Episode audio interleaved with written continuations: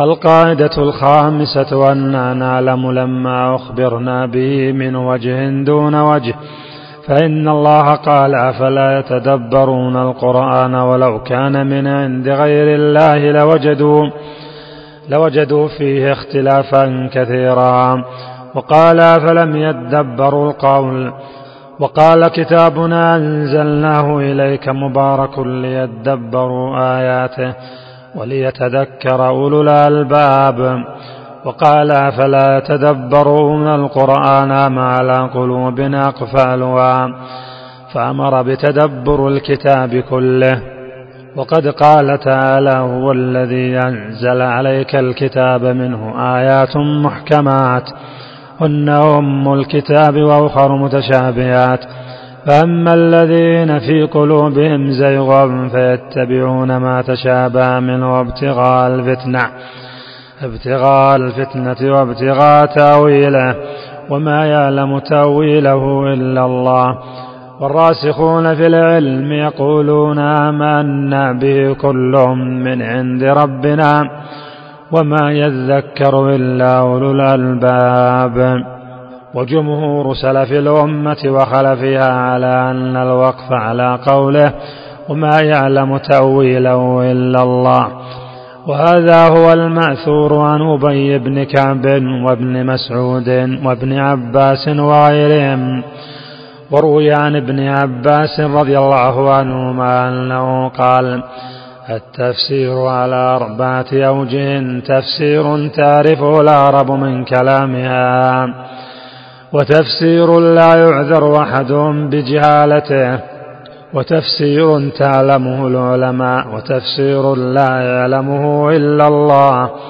من ادعى علمه فهو كاذب وقد روي عن مجاهد وطائفة أن الراسخين في العلم يعلمون تأويله. وقد قال مجاهد عرضت المصحف على ابن عباس من فاتحته إلى خاتمته. أوقف عند كل آية وأسأله عن تفسيرها. ولا منافاة بين القولين عند التحقيق فإن لفظ التأويل قد صار بتعدد الاصطلاحات مستعملا مستعملا في ثلاثة معان أحدها وهو اصطلاح كثير من المتأخرين من المتكلمين في الفقه وأصوله. أن التأويل هو صرف اللفظ عن الاحتمال الراجح إلى الاحتمال المرجوح لدليل يقترن به. وهذا هو الذي عناه أكثر من تكلم من المتأخرين في تأويل نصوص الصفات وترك تأويلها. وهل ذلك محمود أو مذموم أو حق أو باطل؟ الثاني أن التأويل بمعنى التفسير وهذا هو الغالب على اصطلاح المفسرين للقرآن. كما يقول ابن جرير وأمثاله من المصنفين في التفسير واختلف علماء التأويل ومجاهد إمام المفسرين.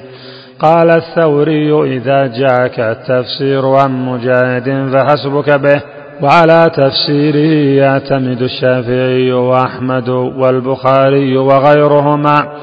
فإذا ذكر أنه يعلم تأويل المتشابه فالمراد به معرفة تفسيره الثالث من معاني التأويل. هو الحقيقة التي يؤول إليها الكلام كما قال الله تعالى هل ينظرون إلا تاويله يوم يأتي تأويله يقول الذين نسوه من قبل قد جاءت رسل ربنا بالحق. فتأويل ما في القرآن من أخبار المعاد هو ما أخبر الله به فيه مما يكون من القيامة من القيامة والحساب والجزاء والجنة والنار ونحو ذلك. كما قال الله تعالى في قصة يوسف لما سجد أبواه وإخوته قال يا أبت هذا تأويل رؤياي من قبل فجعل عين ما وجد في الخارج هو تأويل الرؤيا. الثاني هو تفسير الكلام والكلام الذي يفسر به اللفظ حتى يفهم معناه. أو تعرف علته أو دليله وهذا التأويل الثالث وعين ما هو موجود في الخارج ومنه. ومنه قول عائشة رضي الله عنها كان النبي صلى الله عليه وسلم يقول في ركوعه وسجوده سبحانك اللهم ربنا وبحمدك اللهم اغفر لي. يتأول القرآن يعني قوله فسبح بحمد ربك واستغفره. وقول سفيان بن عيينة السنة هي تأويل الأمر والنهي فإن نفس الفعل المأمور به فإن نفس الفعل المأمور به هو تأويل الأمر به. ونفس الموجود المخبر عنه هو تأويل الخبر والكلام خبر وأمر. ولهذا يقول أبو عبيد وغيره الفقهاء أعلم بالتأويل من أهل اللغة كما ذكروا ذلك في تفسير اشتمال الصمع؟ لأن الفقهاء يعلمون تفسير ما أمر به ونهى عنه لعلمهم بمقاصد الرسول صلى الله عليه وسلم. كما يعلم أتباع بقراط وسيبويه ونحوهما من مقاصدهما.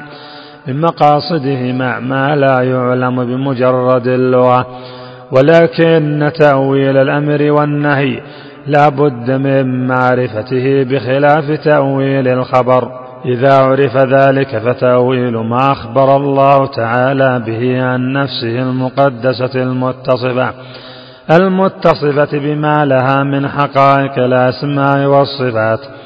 هو حقيقة لنفسه المقدسة المتصفة بما لها من حقائق الصفات وتأويل ما أخبر الله به تعالى من الوعد والوعيد. هو نفس ما يكون من الوعد. هو نفس ما يكون من الوعد والوعيد. ولهذا ما يجيء في الحديث نامن بمحكمه ونؤمن بمتشابهه. لأن ما أخبر الله به عن نفسه وعن اليوم الآخر. فيه ألفاظ متشابهة يشبه معانيها ما نعلمه في الدنيا. كما أخبر أن في الجنة لحما ولبنا وعسلا وخمرا ونحو ذلك. وهذا يشبه ما في الدنيا لفظا ومعنى. ولكن ليس هو مثله ولا حقيقته كحقيقته. فأسماء الله تعالى وصفاته أولى وإن كان بينهما وبين أسماء العباد وصفاتهم تشابه ألا يكون لأجلها الخالق مثل المخلوق ولا حقيقته كحقيقته والإخبار عن الغائب لا يفهم إن لم يعبر عنه بالأسماء المعلومة. معانيها في الشاهد ويعلم بها ما في الغائب بواسطة العلم بما في الشاهد مع العلم بالفارق المميز وأن ما أخبر الله به وأن ما أخبر الله به من الغيب أعظم مما يعلم في الشاهد وفي الغائب. وفي الغائب ما لا عين رأت ولا أذن سمعت. ولا خطر على قلب بشر. فنحن إذا أخبرنا فنحن إذا أخبرنا الله بالغيب الذي اختص به من الجنة والنار علمنا معنى ذلك وفهمنا ما أريد منا فهمه. وفهمنا ما أريد منا فهمه بذلك الخطاب. وفسرنا ذلك وأما نفس الحقيقة المخبر عنها مثل التي لم تكن بعد وإنما تكون يوم القيامة فذلك من التأويل الذي لا يعلمه إلا الله. ولهذا لما سئل مالك وغيره من السلف عن قوله تعالى الرحمن على العرش استوى. قالوا والاستواء معلوم والكيف مجهول والإيمان به واجب والسؤال عنه بدعة وكذلك قال ربيعة شيخ مالك قبله الاستواء معلوم والكيف مجهول ومن الله البيان وعلى الرسول البلاغ. وعلينا الإيمان فبين أن الاستواء معلوم وأن كيفية ذلك مجهولة. ومثل هذا يوجد كثيرا في كلام السلف والأئمة ينفون علم العباد بكيفية صفات الله وأنه لا يعلم كيف الله إلا الله فلا يعلم ما هو إلا هو. وقد قال النبي صلى الله عليه وسلم لا أحصي ثناء عليك أنت كما أثنيت على نفسك وهذا في صحيح مسلم وغيره. وقال في الحديث الآخر اللهم إني أسألك بكل اسم هو لك. سميت به نفسك أو أنزلته في كتابك أو علمته أحدا من خلقك. أو استأثرت به في علم الغيب عندك. وهذا الحديث في المسند وصحيح أبي حاتم. وقد أخبر فيه أن لله من الأسماء ما استاثر به في علم الغيب عنده. فمعاني هذه الأسماء التي استاثر بها في علم الغيب عنده لا يعلمها غيره. والله سبحانه أخبرنا أنه عليم قدير سميع بصير غفور رحيم. إلى غير ذلك من أسمائه وصفاته. فنحن نفهم معنى ذلك ونميز بين العلم والقدرة وبين الرحمة والسمع والبصر. ونعلم أن الأسماء كلها اتفقت في دلالتها على ذات الله. مع تنوع معانيها فهي متفقة متواطئة من حيث الذات متباينة من جهة الصفات. وكذلك أسماء النبي صلى الله عليه وسلم مثل محمد وأحمد والماحي والحاشر والعاقب والحاشر والعاقب وكذلك أسماء القرآن مثل القرآن والفرقان والهدى والنور والتنزيل والشفاء وغير ذلك ومثل هذه الأسماء تنازع الناس فيها هل هي من قبيل المترادفة لاتحاد الذاتي أو من قبيل المتباينة لتعدد الصفات؟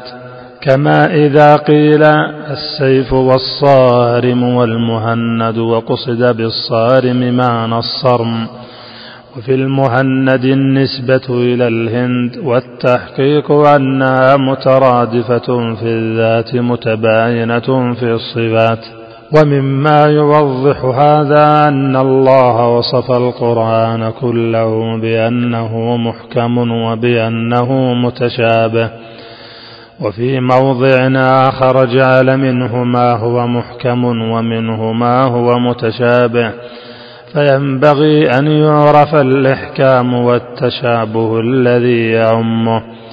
والإحكام والتشابه الذي يخص بعضه قال الله تعالى ألف لام را كتاب أحكمت آياته ثم فصلت فأخبر أنه أحكم آياته كلها وقال تعالى الله نزل أحسن الحديث كتابا متشابها مثاني.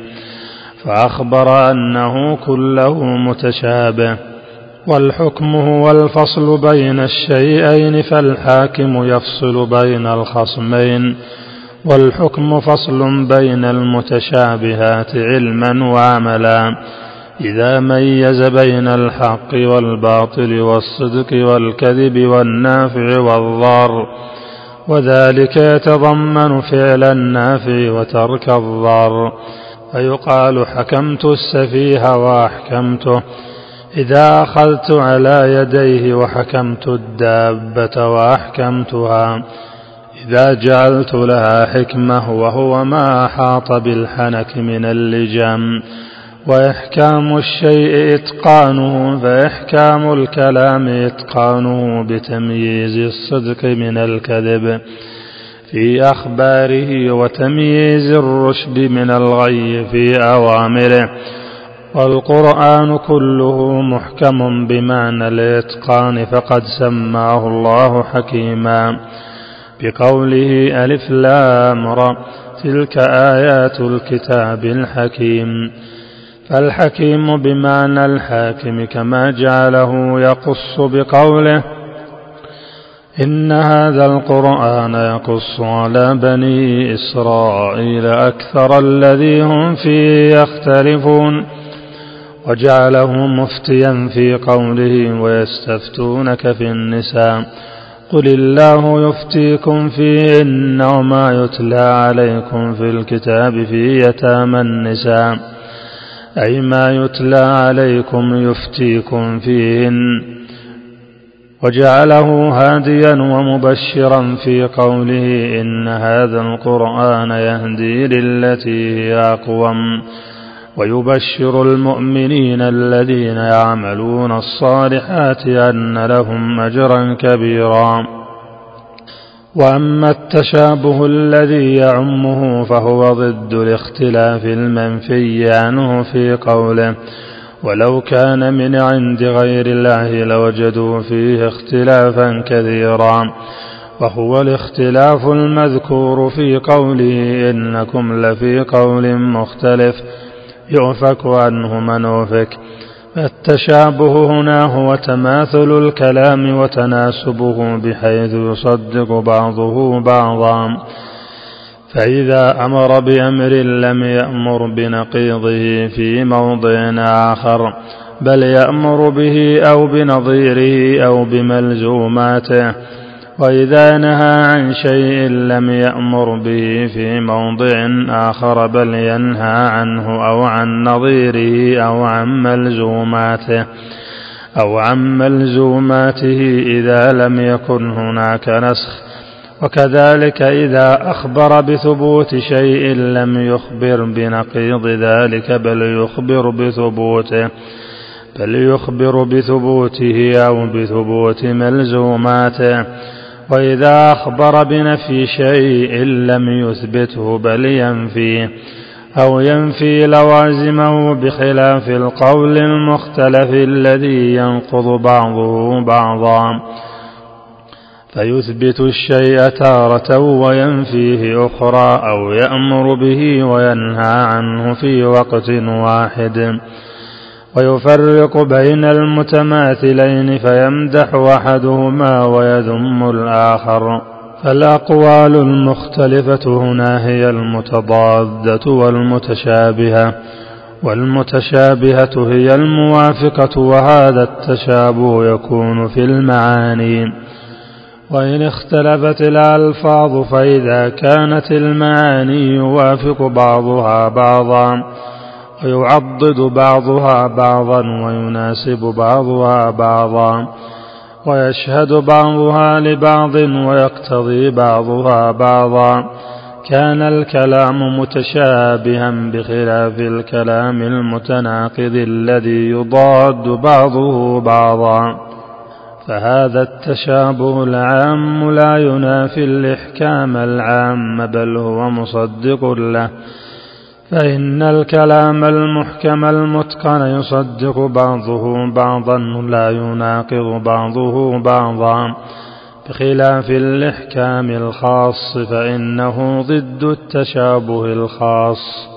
والتشابه الخاص هو مشابهة الشيء لغيره من وجه مع مخالفته له من وجه آخر بحيث يشتبه على بعض الناس أنه هو أو هو مثله وليس كذلك والإحكام هو الفصل بينهما والإحكام هو الفصل بينهما بحيث لا يشتبه أحدهما بالآخر. وهذا التشابه إنما يكون بقدر مشترك بين الشيئين مع وجود الفاصل بينهما. ثم من الناس من لا يهتدي للفصل بينهما فيكون مشتبها عليه ومنهم من يهتدي إلى ذلك. التشابه الذي لا يتميز معه قد يكون من الأمور النسبية الإضافية. بحيث يشتبه على بعض الناس دون بعض. ومثل هذا يعرف منه أهل العلم ما يزيل عنهم هذا الاشتباه. كما إذا اشتبه على بعض الناس ما وعدوا به في الآخرة بما يشاهدونه في الدنيا. فظن أنه مثله فعلم العلماء أنه ليس مثله. وإن كان مشبها له من بعض الوجوه ومن هذا الباب ومن هذا الباب الشبه التي يضل بها بعض الناس وهي ما يشتبه فيها الحق بالباطل وهي ما يشتبه فيها الحق والباطل حتى تشتبه على بعض الناس. ومن أوتي العلم بالفصل بين هذا وهذا لم يشتبه عليه الحق بالباطل. والقياس الفاسد إنما هو من باب الشبهات لأنه تشبيه للشيء في بعض الأمور في بعض الأمور بما لا يشبهه فيه. فمن عرف الفصل بين الشيئين اهتدى للفرق الذي يزول به الاشتباه والقياس الفاسد. وما من شيئين إلا ويجتمعان في شيء ويفترقان في شيء. فبينهما اشتباه من وجه وافتراق من وجه. فلهذا كان ضلال بني آدم من قبل التشابه والقياس الفاسد. والقياس الفاسد لا ينضبط كما قال الإمام أحمد. أكثر ما يخطئ الناس من جهة التأويل والقياس. فالتاويل في الأدلة السمعية والقياس في الأدلة العقلية وهو كما قال والتأويل الخطأ إنما يكون في الألفاظ المتشابهة والقياس الخطأ إنما يكون في المعاني المتشابهة. وقد وقع بنو آدم في عامة ما يتناوله هذا الكلام من أنواع الضلالات. حتى آل الأمر إلى من يدعي التحقيق والتوحيد والعرفان منهم إلى أن اشتبه إلى أن اشتبه عليهم وجود الرب بوجود كل موجود. فظنوا أنه هو فجعلوا وجود المخلوقات عين وجود الخالق مع أنه لا شيء أبعد عن مماثلة شيء. وأن يكون إياه أو متحدا به أو حالا فيه من الخالق مع المخلوق فمن اشتبه عليه وجود الخالق بوجود المخلوقات كلها حتى ظنوا وجودها وجوده فهم أعظم الناس ضلالا من جهة الاشتباه. وذلك أن الموجودات تشترك في مسمى الوجود. فرأوا الوجود واحدا ولم يفرقوا بين الواحد بالعين والواحد بالنوع. وآخرون توهموا أنه إذا قيل الموجودات تشترك في مسمى الوجود لزم التشبيه والتركيب. فقالوا لفظ الوجود مقول بالاشتراك اللفظي. فخالفوا ما اتفق عليه العقلاء مع اختلاف أصنافهم. من أن الوجود ينقسم إلى قديم ومحدث ونحو ذلك من أقسام الموجودات. وطائفة ظنت أنه إذا كانت الموجودات تشترك في مسمى الوجود لزم أن يكون في الخارج عن الأذهان موجود مشترك فيه. وزعموا أن في الخارج عن الأذهان كليات مطلقة مثل وجود مطلق وحيوان مطلق وجسم مطلق ونحو ذلك. فخالفوا الحس والعقل والشرع وجعلوا ما في الأذهان ثابتا في الأعيان. وهذا كله من نوع الاشتباه. ومن هداه الله فرق بين الأمور وإن اشتركت من بعض الوجوه وعلم ما بينهما من الجمع وعلم ما بينهما من الجمع والفرق والتشابه والاختلاف وهؤلاء لا يضلون بالمتشابه من الكلام لأنهم يجمعون بينه وبين المحكم الفارق الذي يبين ما بينهما. الذي يبين ما بينهما من الفصل والافتراق. وهذا كما أن لفظ إنا ونحن وغيرهما من صيغ الجمع. يتكلم بها الواحد له شركاء في الفعل ويتكلم بها الواحد العظيم الذي له صفات. الذي له صفات تقوم كل صفة مقام واحد وله أعوان تابعون له. وله أعوان تابعون له لا شركاء له. فإذا تمسك النصراني بقوله تعالى إنا نحن نزلنا الذكر ونحوه على تعدد الآلهة كان المحكم كقوله تعالى وإلهكم إله واحد ونحو ذلك مما لا يحتمل إلا معنى واحدا. يزيل ما هناك من الاشتباه وكان ما ذكره من صيغة الجمع مبينا لما يستحقه من العظمة. مبينا لما يستحقه من العظمة والأسماء والصفات وطاعة المخلوقات من الملائكة وغيرهم. وأما حقيقة ما دل عليه ذلك من حقائق الأسماء والصفات وما له من الجنود الذين يستعملهم في أفعاله فلا يعلمهم إلا هو وما يعلم جنود ربك إلا هو. وهذا من تأويل المتشابه الذي لا يعلمه إلا الله. بخلاف الملك من البشر إذا قال قد أمرنا لك بعطاء فقد علم أنه هو أعوانه فقد علم أنه هو أعوانه مثل كاتبه وحاجبه وخادمه ونحو ذلك.